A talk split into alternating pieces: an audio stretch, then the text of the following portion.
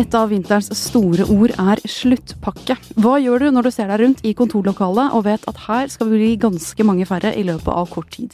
Klorer du deg fast og håper på det beste, eller hopper du ut i det ukjente og tenker at du skal nok lande på beina på et vis? Hvilke egenskaper trenger du for å få deg en ny jobb i et arbeidsmarked hvor det er mange om beinet? Det skal vi gå tett på i dag. Og i studio sammen med meg, Marte Spurkland, er en arbeidsrettsadvokat. Eivind Arntzen, velkommen. Takk for det. Vi har også en hodejeger, Trine Larsen. Hei på deg. Hei. Og eh, vi skal også snakke om sånt som er litt mindre tøft og krevende, og litt mer gøy. Litt mer livet sjæl. Eh, og derfor så er du her, skuespiller Nils Ole Oftebro. Ok, greit å vite. Takk skal du ha. For tiden også kjent som VGs politiske redaktør i TV-serien Mammon som går på NRK. Eh, Ja. Det er litt som å komme hjem for deg, dette er å komme til VG-huset. Det er riktig. Og jeg er litt forsiktig med hva jeg sier nå, for jeg har oppdaget som politisk redaktør i serien at man skal passe seg hvem man fordyper seg for mye i. Det kan få uante resultater når det gjelder i den retningen disse to andre skal snakke om, nemlig at du mister jobben. Ja, nettopp. Så du forventer egentlig et injuriesøksmål nå? Vi får se hva som skjer i løpet av sendingen. Jeg tenkte at vi skulle starte med et rundebordsspørsmål. Um, har du tatt sluttpakke eller blitt nedbemannet noen gang? Uh, Eivind først. Jeg har ikke det. Eh, Nesten dessverre. Jeg skulle ønske jeg hadde hatt den eh, erfaringen med meg, men jeg har ikke det. Nei. Men du har vært inne i 1000 nedbemanningsprosesser cirka, så du har litt erfaring med det. Ja, Jeg gjorde en, eh, en opptelling her for en tid tilbake og fant ut at eh, jeg hadde rundet eh, i hvert fall 1000 arbeidstvister av ulik eh, art som jeg har vært inne i, så det blir nå blitt en del. Blir det kake på advokatkontoret da? Når du når 1000? Verken kake eller gullklokke, men eh, noen erfaring har man i hvert fall fått seg med videre på veien. Hvordan ville eventuelt en nedmanningskake sett ut? Ja, den må- måtte vel vært litt, eh, litt mindre enn en vanlig kake. og eh, Noen bruker jo ostehøvelprinsippet når de nedmanner. så Er det sånn at du da skjærer opp kaken selv for å spare den personen som ellers ville gjort det? Det kan tenkes. Det er mange kreative måter å nedmanne på. Hva med deg, Nils Ole? Har du blitt eh, nedbemannet? Uh, ja, jeg har jo passert en viss alder hvor man da skal slutte, men istedenfor å ta imot det vi kaller sluttpakke eller avskjedsforestillinger, så sa jeg til min kjære sjef Hanne at eh, jeg har alltid likt å, å liksom slå opp selv istedenfor å bli slått opp med, så jeg slo opp på forhånd og slutta. Mm. Men du har jo ikke slutta, for vi ser deg jo i ulike roller eh, støtt og stadig. Ja da, jeg får lov til å få jobbe absolutt alle andre enn der hvor jeg var ansatt i 40 år og har gjort mesteparten av min jobb, nemlig på Nationaltheatret. Der får jeg ikke lov til å fortsette. Er det et savn? Selvfølgelig er det et savn. Altså, det er et savn på den måten at Én ting er nå huset, men det er et savn fordi eh, det er alle kameratene. Det er, det er miljøet. Det er, det er det du først og fremst mister. Det er liksom, Hvis du har vært lenge et sted, det er eh, Jeg har aldri vært gift med noen så lenge som med Nationaltheatret. Og har ikke sett venner dø, gått i begravelse, sett nye komme til. Ser plutselig sønnen til en som jeg begynte som, som nå jobber der. ikke sant? Altså Det er en lang prosess som plutselig blir klippet tvers over. Og det rare er at når du da kommer tilbake i den jobben etter et halvt år, og så går inn i resepsjonen og sier god dag eh, God dag. Ja. Ja, jeg har jobbet der i 40 år, jeg heter Har du det? Så sitter en person fra et helt annet land som aner ikke hvem du er i det hele tatt. Og det er liksom bare du må si ja, det er hyggelig, og det kortet jeg hadde fått for å gå inn, det er gått ut på dato, det er tatt bort. Så får jeg lov til å komme inn i kantinen. Og så kommer alle mot deg, de andre som har ansatt deg, plutselig kolleger og sier Hei, Nils Ole, å, hvordan går det med deg, ja? Og de syns synd på deg? Altså Det virker som at, du på en måte at jeg har gått inn i Jeg begynte å gå langsomt i øh, forråtnelse, og det syns liksom på en måte Rockefòren har begynt å synes på hendene, eller at jeg sitter nå hjemme og gråter liksom, og har kjøpt inn kiste og sitter ved siden av den på stuen og sånn. Jeg gjør ikke det. Men øh, forventningene, liksom, altså hvordan folk ser på det å være i arbeid og ikke arbeid, det er øh, spesielt. Nå har jeg snakket nok, nå kan andre overta. Trine, da er det deg, da. Eh, Kjenner du deg igjen i det som Nils Ole snakker om her, at det å slutte jobben kan være litt sånn kjærlighetssorgreaksjon? Ja, det tror jeg det kan være for veldig mange, og det må vi ha respekt for.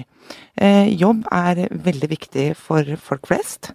Folk flest vil ha jobb, eh, og folk flest trives med jobben sin. Og det er en stor og viktig del av, av livet og tilhørighet. Og, og ellers litt det du er inne på, dette med eh, hva rundt deg forventer. Jeg tror mange syns det er flaut å være uten jobb. De fleste jeg møter i hvert fall, syns det. Men du har opplevd det selv, du. Du har tatt Ja. en sluttpakke. Jeg tok en sluttpakke, Aha. men jeg var eh, 30 år og syntes det var veldig ålreit den gangen. Og var full av eh, giver og lyst på det, og hadde en prosess jeg lærte uhorvelig mye av.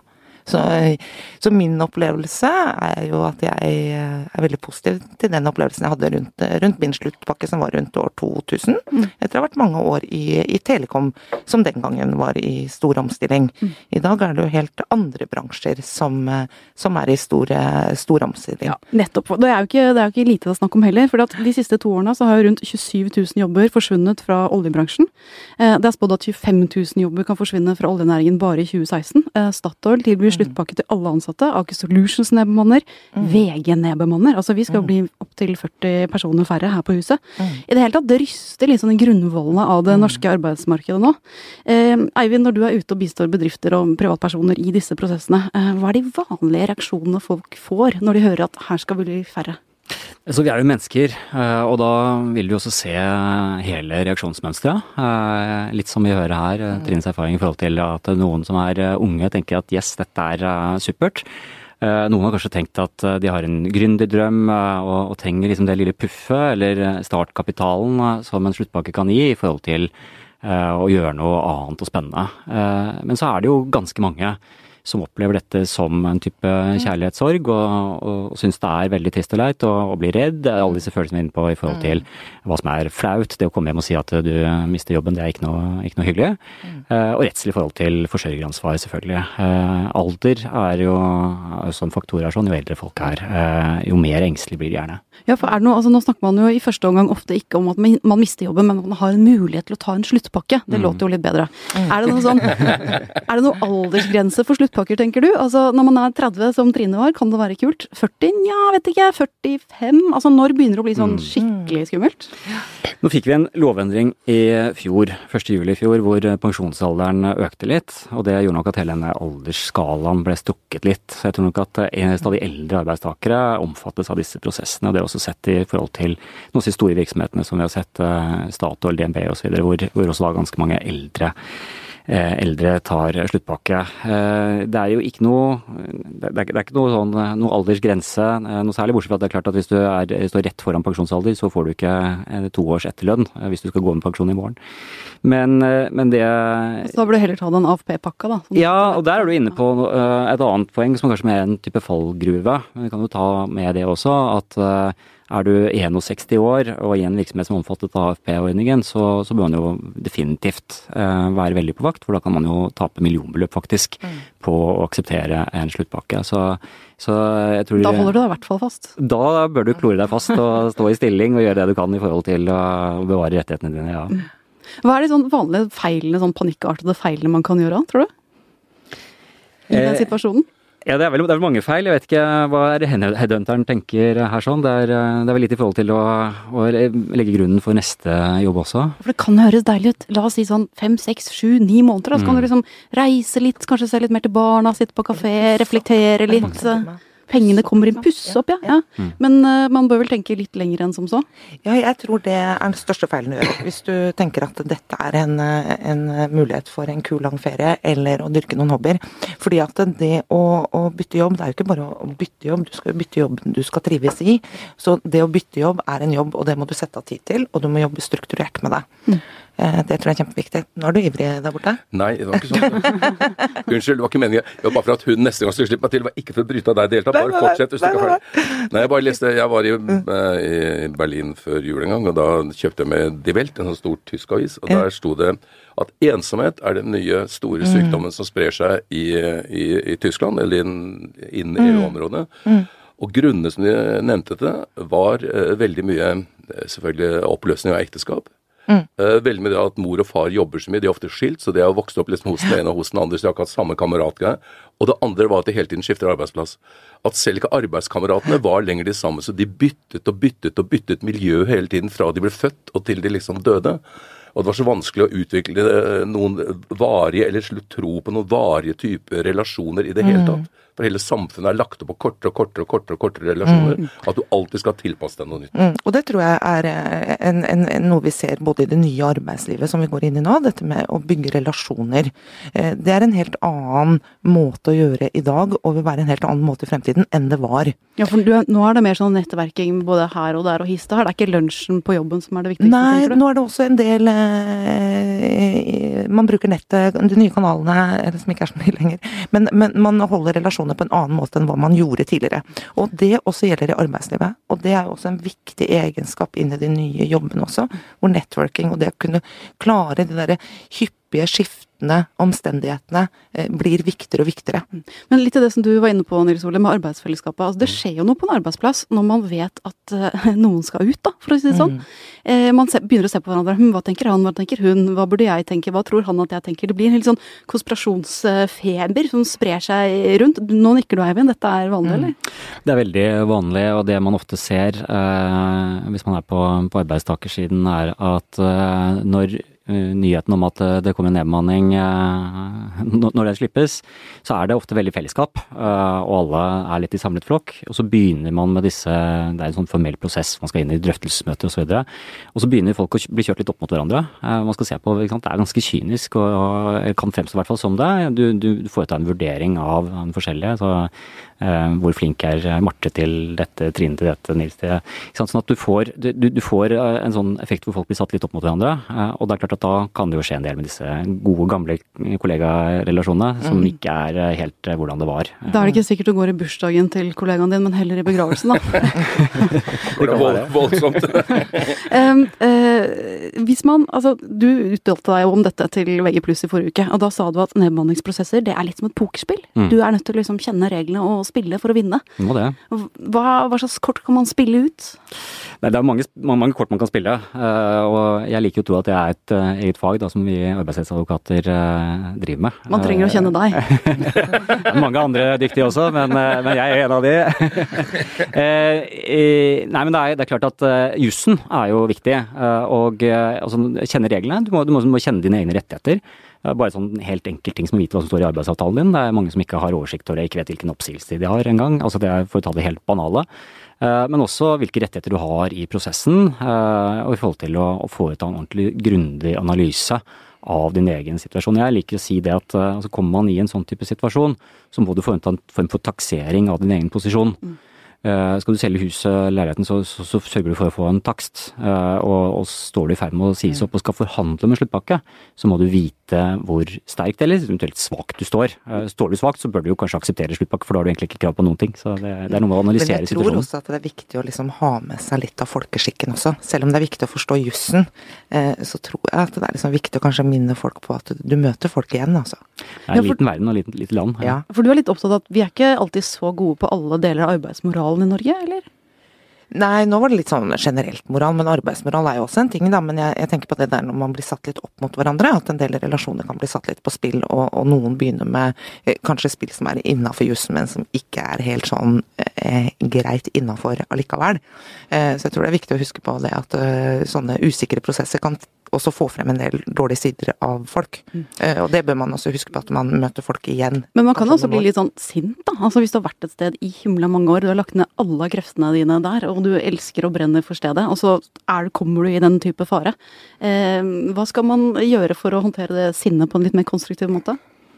Jeg tror kanskje eh, et av de gode rådene her er nettopp det å ikke bli sint. Å, å holde hodet kaldt Ja. er veldig viktig. Og så tror jeg ikke at det betyr at man behøver å være seg vill. Altså man, man kan fortsatt man kan være sterk i sak og mild i form, eh, og man kan eh, ha slagkraftige argumenter uten at det ødelegger en dårlig tone. Og det er kanskje, Der er kanskje mange nordmenn litt for forsiktige, tror jeg, i forhold til det å, å faktisk eh, forhandle saklig og profesjonelt i forhold til sin egen posisjon. mm. Og uten at det, at det blir ondt blod, at man ødelegger relasjoner. For jeg tror nok at en arbeidsgiver som møter en arbeidstaker som, som, som har saklige argumenter, men er tøff, eh, vil jo fortsatt eh, beholde respekten til vedkommende. Eh, det er jo et prinsipp i disse prosessene som man kan holde seg til, ansiennitet. Har du vært et sted ganske lenge, så er du ganske trygg.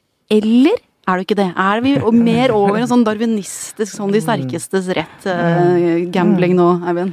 Så ser man på hovedavtalen mellom LO og NHO, altså den store tariffavtalen vi har i Norge mellom uh, arbeidsgiver- og arbeidstakersiden, hovedpartene i arbeidslivet, så, så står det i paragraf 8-2 der at eh, ved oppsigelse pga. innskrenkning eller omlegging kan ansienniteten fravikes når det foreligger saklig grunn. Og Da står det jo egentlig at eh, du, så lenge du har saklige grunner for det, så, så, trenger du ikke å legge vekt på ansiennitet. Og det eh, har jo selvfølgelig partene, i hvert fall arbeidsgiversiden, merket seg veldig. En saklig grunn det kan være at vi trenger Nils Ole, vi trenger ikke Eivind. Det trenger ikke å være noe mer saklig enn det. Nei, det kan være kompetanse.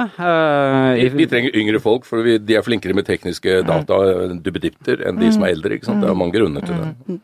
Så pakker man det kanskje inn da i, i, kompetanse og egnethet og en del sånne type ting. og Man sier ikke alder direkte, for det er diskriminerende, men, men ja, det er klart at uh, her ligger det jo uh, vide muligheter for en arbeidsgiver sammen med en arbeidsrettsadvokat til å skru sammen en, en sånn type vurderingsskjema som gjør at man egentlig sitter igjen med det resultatet man vil. Som vi snakket om uh, før vi gikk inn her, sånn at ofte så, så tar virksomheten utgangspunkt i konklusjonen, og så lager man argumentasjon etterpå. og det ja, de sånn vet hvor de vil ja, når de starter. Ja. Det gjør, det, gjør nok gjerne det. Jeg tror nok Skipsted vet hvor de vil hen, når de setter i gang nedbemanningsprosesser i VG f.eks. Ah, mm. Ikke se sånn på meg, det må gråte. Ja. ja, eh, Trine, om man da Da kan vi gråte sammen. når man da er i den situasjonen hvor man enten har tatt denne sluttpakka, eller mm som resultat av mildere, sterkere press blitt nødt til å gjøre det. Mm. Og så skal man begynne på nytt, da. Mm. Eh, finne seg en ny jobb. Hva er de viktigste egenskapene du trenger der ute akkurat nå? Det jeg opplever nå i arbeidsmarkedet, er at det skjer veldig endring. Og det går fort. Uh, var nå sist på NHOs årskonferanse. Uh, alle er jo enige om det, at uh, det nye arbeidslivet kommer fortere og fortere. Eh, så det å, å være endringsvillig og, og, og, kunne se løsninger og ha en drive, det er veldig viktige egenskaper. Eh, jeg tror eh, erfaring og utdannelse vil bety mindre og mindre i de nye jobbene. CV-en er liksom ikke så viktig å slå i bordet med, eller? Nei, CV-en hører snart hjemme på museum, mener jeg da. Oi. Ja, ja. Tenk det. Så det du gjorde for ti år siden har ikke noe å si? Nei, fordi at eh, sant, de jobbene vi rekrutterer til nå, de er ikke slik de var for ti år siden. Det er ikke så relevant lenger. Eh, utdanningen henger jo heller ikke helt med. Nå er jo et regjeringsutvalg som ser på hele utdanningsformen i Norge for å tilpasse den det nye arbeidslivet også, så det vil nok bedre seg. Men, men per i dag så, så, så, ser vi det at eh, både utdanning og arbeidserfaring henger etter i de nye rollene. Fordi en del av den nye teknologien og den digitaliseringen vi går inn i nå, det, det er ingen som har har gjort det for fem år siden. Det fantes jo ikke, ikke sant. Eh, så, så det vi vektlegger mye mer i rekrutteringen nå, er jo eh, hvilket potensial har du? Mm. Og da må vi se mye mer på de personlige egenskapene. Det er personlighet du mest av alt må selge inn da, hvis du skal ha et jobbintervju? Mm. Det er jeg veldig opptatt av. Ja. Ikke sant? Hvilket potensial har du? Hvor, hvor god kan du bli i denne jobben her? Dette begynner å ligne usedvanlig mye på USA. Jeg har, jobbet, jeg, jeg har, jobbet, noe blant annet på noe som heter Fangen på fortet på 90-tallet. Da hadde ja, sånn, noen, amerikanere som kom inn for å hjelpe, og de kunne en del av alle tingene rundt. Ja. Og jeg har aldri sett noen mennesker som var ivrige til å selge seg selv. Mm. Altså, jeg, har aldri, også, jeg har vært med noen engelske sånn, produksjoner og sånn, og ja. amerikanere er helt eksepsjonelle. Uh, you know what I did? I'm so good. I, I, know how to do this thing, and I've been favorite. I've been doing so and so. My friends are, you know, David Bowie, and you are met in this party, and he told me Alt det der. Og jeg føler at det er akkurat det som nå kommer. Vi skal ah, sitte og unnskyld at jeg bruker ordet onanere liksom på en måte vår mm. egen personlighet i fjeset på en eller annen absolutt hele tiden. Ja, at det blir den nye måten å selge seg inn på. Jo, for du blir viktigere og viktigere. Du som er, liksom skal rekruttere.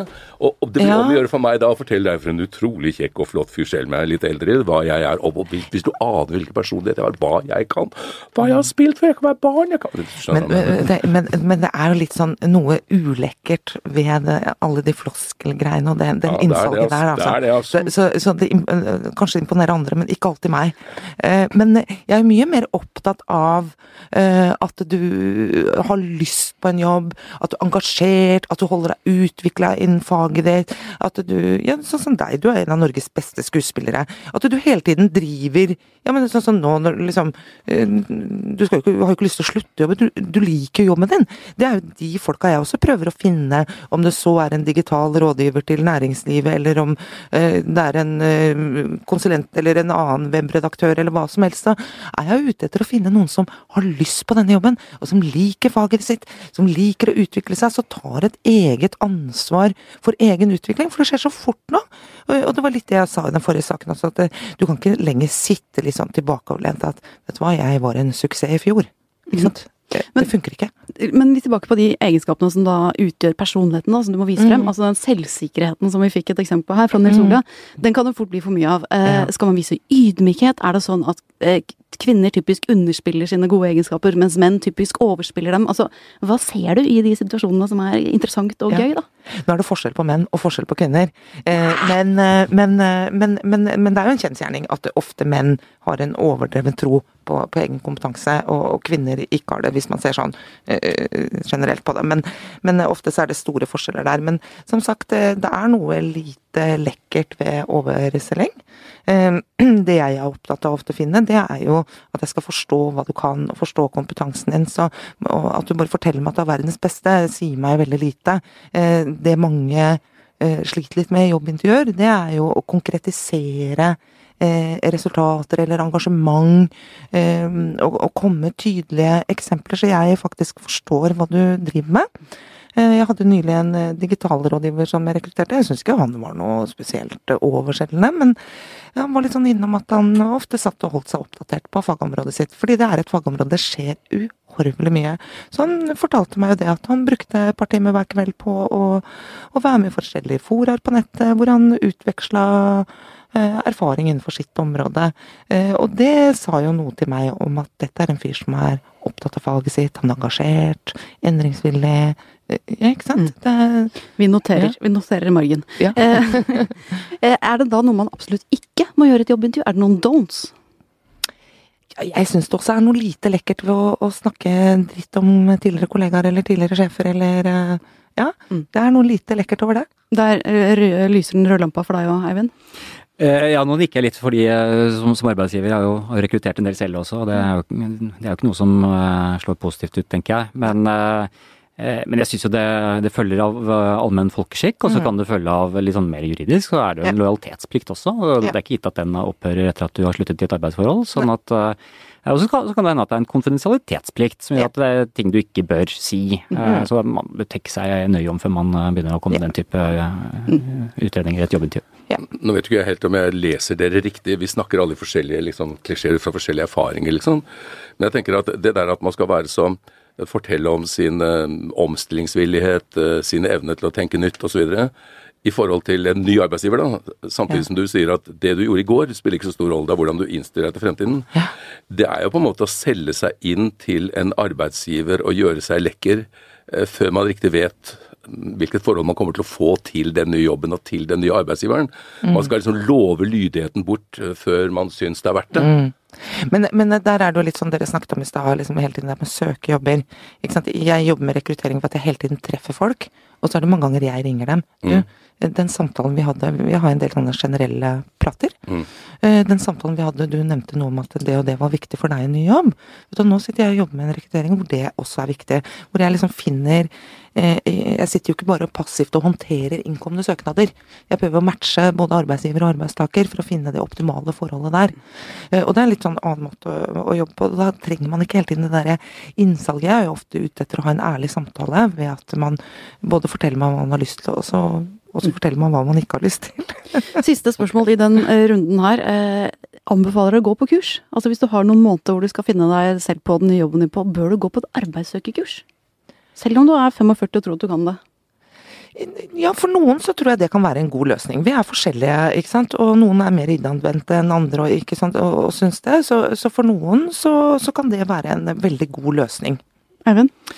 Ja, også for å ta med jussen på det også. Hvis man får, eh, får støtte til den type undervisning som en del av en sluttpakke, så er det også en ytelse som er skattefri. Mm. Og da også fritatt for arbeidsgiveravgift for, for arbeidsgiveren. Så det er et veldig populært virkemiddel i forbindelse med sluttpakker. Og så tror jeg det er viktig med det sosiale rundt det. Eh, ikke sant? Jeg tror det eh, farligste er at man isol eh, isolerer seg. Eh, men kom seg ut, om det er å være på et eh, jobbsøkerkurs eller eh, andre ting, så tror jeg det er kjempeviktig at man eh, ikke blir sittende hjemme og pusse opp eller reise på ferie og, drive med de tingene. For det blir fort ensomt. Ja. Ja. Dette er um, ikke en påstand med et spørsmål, det kan, men det kan formuleres med påstand muligens. Men, men uh, det er mest et spørsmål. Ja.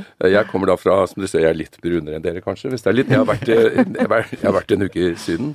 Og da treffer man plutselig noen mennesker som da er 50 år, ja. men er da arbeidsufør 100 ja. Men ikke verden at du kan gå en fottur tre timer hver dag, mm. eller, eller uh, sitte på kafé til klokken to om natten, eller rusletur, eller gjøre helt vanlige ting uten å blunke. Ja. Men vedkommende gjør litt sånn for vedkommende har litt vondt i ryggen. Mm. Uh, men vedkommende er da 100 arbeidsufør og er 50 år. Mm. Og har da bestemt seg for noe helt annet, mm. nemlig at vedkommende, så vidt jeg skjønner, har ikke lyst til å delta i arbeidslivet. Det, det fungerer i hvert fall sånn. Ja. Men denne nye da, usikkerheten i arbeidslivet, ikke sant? kan den mm. føre til at det er flere og flere som havner der? Fordi det er mange som på en måte da ikke vet hvordan de skal selge seg inn til f.eks. deg deg. ikke sant? Mm. Og samtidig føler hele næringslivet at fordi prosessene er så mange, og fordi folk er så redde, så godtar de på en måte at veldig mange havner der. Jeg fikk høre at øh, gjennomsnittsalderen på når kvinner i arbeidslivet slutter, mm. den er 53 år i Norge. Det er veldig lavt, og det mm. snakkes det veldig lite om. Da rykket jeg mange år nærmere pensjonsalderen, kjente jeg. Ja. Var... Ja, ja. Nei, ikke pensjon. Det, det, det er jo ikke pensjonsalder. Det er arbeidsufør av forskjellige varianter og forskjellige grunner. Og jeg tror flere, flere i Syden som da er utrolig mye mer sett i mine øyne, de kunne sittet i en resepsjon, de kunne gjort altså Jeg men, er liksom sånn at jeg vil bidra til et eller annet. Altså jeg, Om jeg skal sitte i en resepsjon på Nationaltheatret, jeg vil gjøre et eller annet. Jeg vil liksom være et sted hvor noe skjer. Og der er vi mennesker litt forskjellige. Og jeg er også sånn. Eh, jeg, jeg, jeg liker å jobbe. Jeg ser ikke på det som å jobbe som noe fælt. Eh, og ikke dere heller, opplever jeg. Og, og, veldig mange mennesker gjør ikke det. Men du vil alltid ha noen som drar til Syden og tror det er livets lykke, eh, og ikke vil jobbe. ikke sant? Men eh, de fleste er jo ikke sånn, opplever jeg. Eh, og jeg tror noen av de vil jo få seg en skikkelig blåmandag når de skjønner at de må flytte fra alle trygderettighetene i Norge osv. Eh, det leser vi også litt om. Men, men, jeg tror folk flest ønsker jobb. Eh, jeg tror folk ønsker å bidra, men eh, noen trenger eh, Um, å gå på et jobbsøkerkurs eller å få fram kompetanse. Men jeg tror det er um, Vi har hatt det veldig godt i Norge. Vi går inn i nye tider. Um, jeg tror at Eh, å ha et sånt eh, høyt forbruk av trygdeytelsene våre er blitt satt litt på press nå. Det, det hører vi på de politiske diskusjonene. Og, og hvis oljeprisen faller som den gjør, så, så, vil jo helt klart det påvirke eh, mye av Norge. Og jeg tror det kommer til å bli stilt veldig mye andre krav. Og, og, det er litt sånn som vi har diskutert litt også i det siste, er jo at noen har jo litt sånn dårlig arbeidsmoral og har en høy grad av kravmentalitet, da. Eh, hvis vi skal skjære litt inn på den, den temaet også, så, eh, så hører jo jeg også og observerer eh, folk som vi er i en tid hvor store deler av norsk næringsliv står under stort press, og når folk da liksom klager over at de ikke har siste mobil, eller ikke har liksom kaffe, den smaker ikke, eller det er ikke nok utvalg i kantina og sånn, mm -hmm. hvor du i tillegg har yoga i arbeidstiden og ikke sant. Det er mange sånne goder, da. Og når vi da liksom er, jeg tror det er eh, en del mennesker som eh, bør moderere seg litt i de tidene vi er i nå, da. Mm. Det er bare å spenne sikkerhetsbeltene og la det stå til. Eh, Nils Ole, du skal jo jobbe til du er 100, 110, jeg vet ikke. Nå har du jobb som VGs politiske redaktør, altså i Mammon. Eh, gratulerer med god anmeldelse på den. Takk. Du, Da jeg var i barnehagen i går, så snakket jeg med en pappa som jobber i regjeringsapparatet. Eh, og Han sa at denne gangen så er det mye de kjenner igjen borte i regjeringen der. Eh, altså de som er toppolitikere. De sitter og peker og sier sånn jaha, Anders Danielsen Lie, han spiller Erna Spinndoktor, Sigbjørn Aanes, og den konflikten der mellom statsminister og statsråd. Det er Stoltenberg og Giske. De, altså de nikker veldig sånn gjenkjennende. Eh, og så ser vi oss rundt her på VG-huset og tenker vi ah, det er litt lite krangling i våre redaksjoner, altså. Det er litt lite sånn freske oppgjør på do og litt lite detektivvirksomhet og sånn. Det ser ut som du har det litt gøyere enn vi kanskje har det her. ja, det er mulig. Jeg, jeg, jobber, jeg har jobbet her, da. Som frilans uh, kulturskribent midt på 90-tallet. Mm. Skrevet uh, um, kunstanmeldelser osv. Og, så og jeg har vært gift med Kaja Korsvold, som er kulturjournalist i Aftenposten. Så jeg har vanket ut av um, sånne miljøer som dette her i veldig mange år, liksom. på en måte. Du hadde researchen gjort fra forhånd? Ja, jeg har sittet liksom på, med forskjellige journalister med forskjellig øl og pratet litt om, i forskjellige stunder. Så noe av det visste jeg. Noe av researchen hadde jeg gjort på forhånd. ja. Mm. Men i og med at det er en krim, så er det klart at vi, vi setter jo en del på spissen i forhold til hva virkeligheten er. Mm. Men altså, han Frank Mathisen, han er jo en, åpenbart en gammel slugger og tøffing. Eh, men så har han også en liksom dose med angstfulle følelser i brystet. Eh, og så er han veldig søt mot kona si. Ja. Hvor mye av Nils Ole er det i Frank? Alt sammen er Nils Ole i Frank. Spesielt at han er søt mot kona si. Ja. Håper eksen vil si det også. Ja. Ehm, nei, eh, jeg jobber litt motsatt av, av liksom mange andre i dag. Altså, jeg kan ikke erstattes med apper foreløpig. Det fins ingen app hvor du kan laste ned en skuespiller. Det fins ikke noe sted hvor du kan gå inn og trykke på en knapp og lære det jeg kan. Det å ha en livserfaring, eller det å ha mot til på en måte å være deg selv også foran et kamera, det er noe det tar tid, og det er en åpenhet som det tar tid å lære seg. Den kan du ikke laste ned. Så jeg er nødt til å bygge på det som er meg.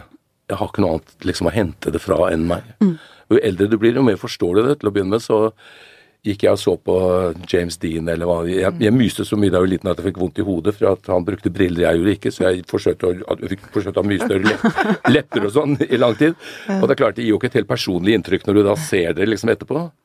Men etter hvert så lærer du at eh, nei, du må Og det er vanskeligere og vanskeligere jo eldre en blir. Det er å se seg selv i profil. Fordi man er så vant til at eh, forfallet skjer forfra. Du er, det er du vant til å se i speilet. Håret detter av pann. Du ser ikke hvor stor dobbelthake er før du plutselig snur deg. Ja, det er hakepartiet. Er magen henger den så langt ut? Å herregud, har den fleskevalken i nakken og sånn. Det er jo sånne ting. Og når man først har vent seg til det og sier at ja, det er deg. Sånn opplever andre deg.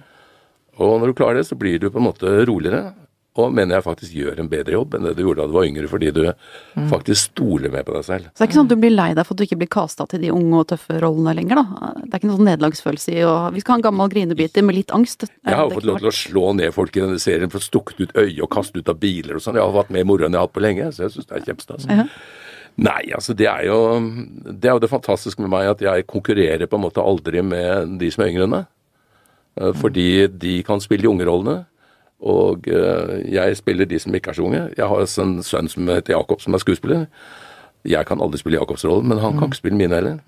Så det, og eh, Derfor har det vært litt sånn, sånn gutter og jenter. Det har alltid vært ganske mye sånn eh, likeverdighet innad på teatret, selv om gutta har hatt flest roller.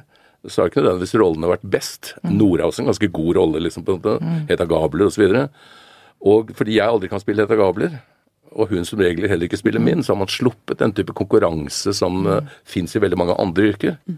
Så um, Nei, jeg syns det var veldig greit å spille Mathisen. jeg. Jeg kjenner igjen alle de eh, Det er bare å trekke frem den skuffen av deg selv, eller den skuffen av deg selv. ikke sant? Så Det er mye rart i alle de skuffene. Ja, du har hatt litt angst selv òg, eller? ja, det har vel alle hatt. ikke? Jo, jeg, jeg sendte jo på det der når han mistet jobben og sånn. Jeg tenkte på det der med at jeg selv sto foran den samme prosessen på Nationaltheatret. og, og jeg syns ikke det var noe enkelt, for det er, det er på en måte å møte, møte sin egen alder i døra. ikke sant? Mm. Fordi at én ting er å miste det pga. at en avis nedbemannes. Da skjønner du i og for seg at dette har ikke noe med deg å gjøre. Det er ikke noe med at du har nådd en viss alder, det er ikke at du er inkompetent. Det er ikke sånn at mm. avisen skal gjøres om. De satser på noe du kanskje ikke er like flink til, og det er jo en annen sak, liksom. Har Nationaltheatret nå skiftet profil og plutselig sagt nå skal vi bare lage ungdomsteater, så hadde jeg på en måte godtatt og skjønt at det eh, var ikke jeg like god til å spille. Men det er ikke det som skjer, det er bare at jeg har nådd en alder hvor jeg forsvinner ut. Så jeg var veldig forberedt på en del av følelsen til Mathisen. Nettopp. Og klarer ikke å ta igjen, og ikke begynne å skjelle ut eh, redaktøren som sitter over deg, selv om du egentlig syns at vedkommende er en Jeg skal ikke bruke noen stygge ord siden jeg er på det. Ja. Hva gjør du da? Biter du deg hardt i kinnet, eller hva gjør du for å, når, når følelsene presser på? Syns du jeg ser så maker ut i kinnet at jeg tenker det. Uh, nei, hva gjør man?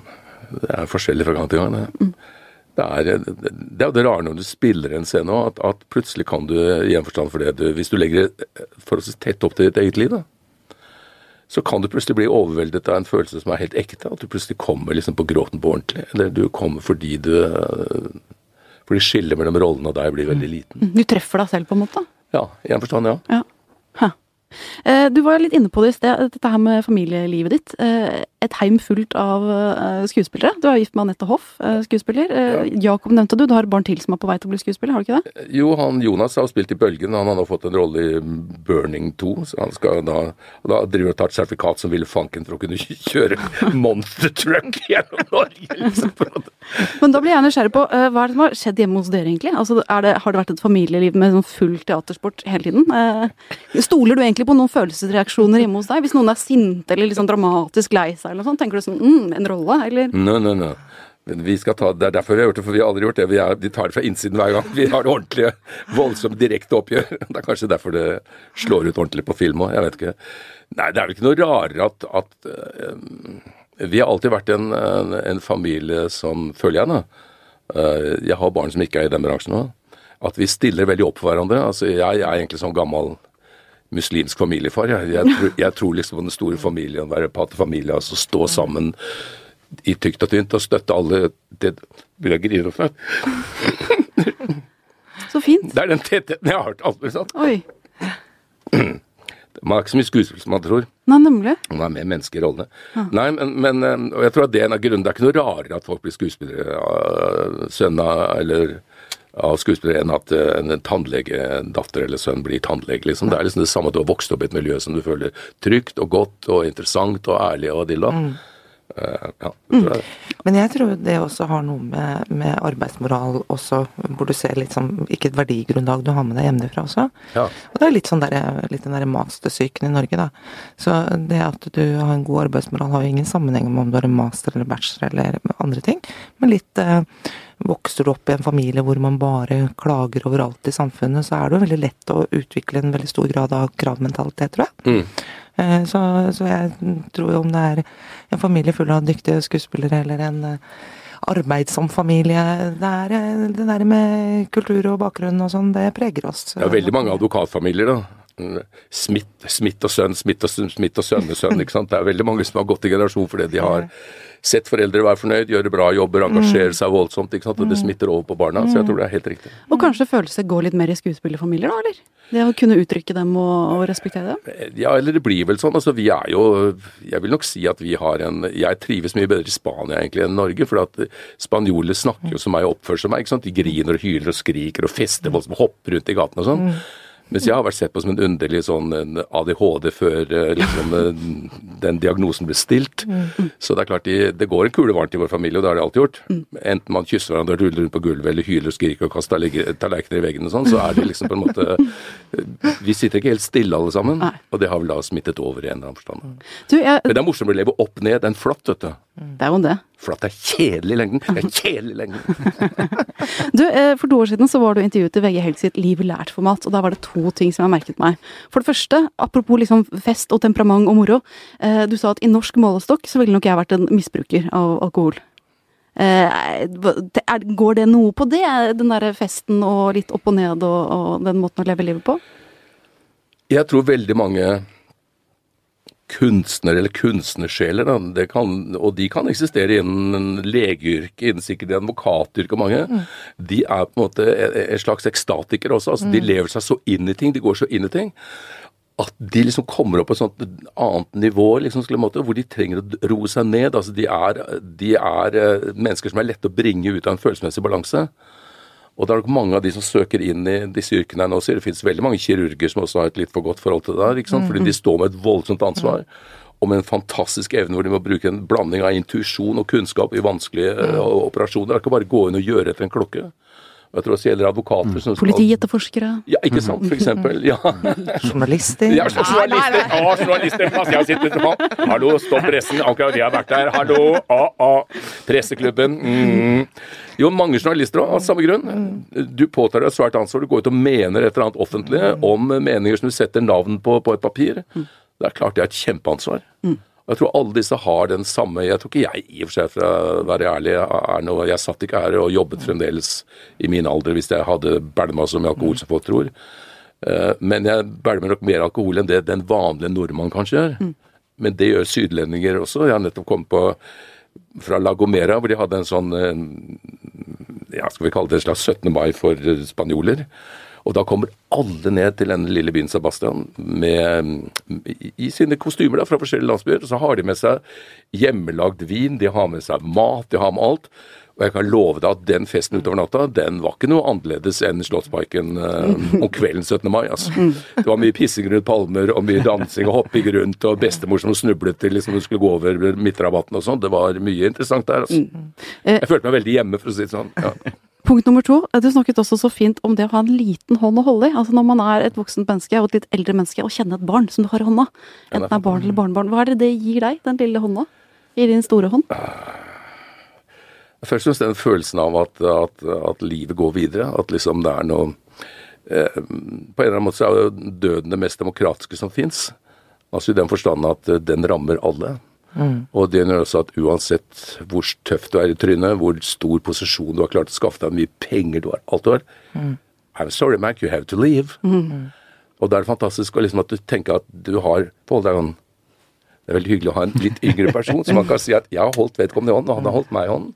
Så jeg vet at kanskje, når jeg forsvinner, så husker han at han faktisk satt i dette studioet og holdt meg i hånden. Mm. Og det er en måte jeg holdt meg i live lenger på enn jeg kunne. Mm. Så det syns jeg ved siden av alt det andre er en fantastisk ting med å treffe og være sammen med yngre mennesker. Både mine egne barn. Derfor jeg elsker mine barn nå. Det er ikke bare fordi de er mine barn. Men gjennom den treffer jeg også alle deres venner. Jeg treffer alle deres omgivelser. Jeg hører om deres sorger. Og det er liksom å få mine egne problemer om igjen, men plantet inn i en ny tid. Nettopp som du sier, for en av eh, mine døtre jobber med data. Hun er, eh, tar imot alle sånne nye apper og ting, og der hun sitter og bedømmer dem i en sånn avis. Så hva hun kan av sånne ting, og hva min yngste sønn kan, det er også en måte å oppdatere seg på som er uh, fantastisk. Men det er jo det som Jeg er litt opptatt av mangfold, ikke sant. Men det som ikke er med det i den diskusjonen, er jo egentlig det der med eldre og yngre og den opplæringen der som jeg syns jeg savner litt, som vi hadde mer av før. Mm. Som jeg håper i det nye arbeidslivet også kan bli verdsatt.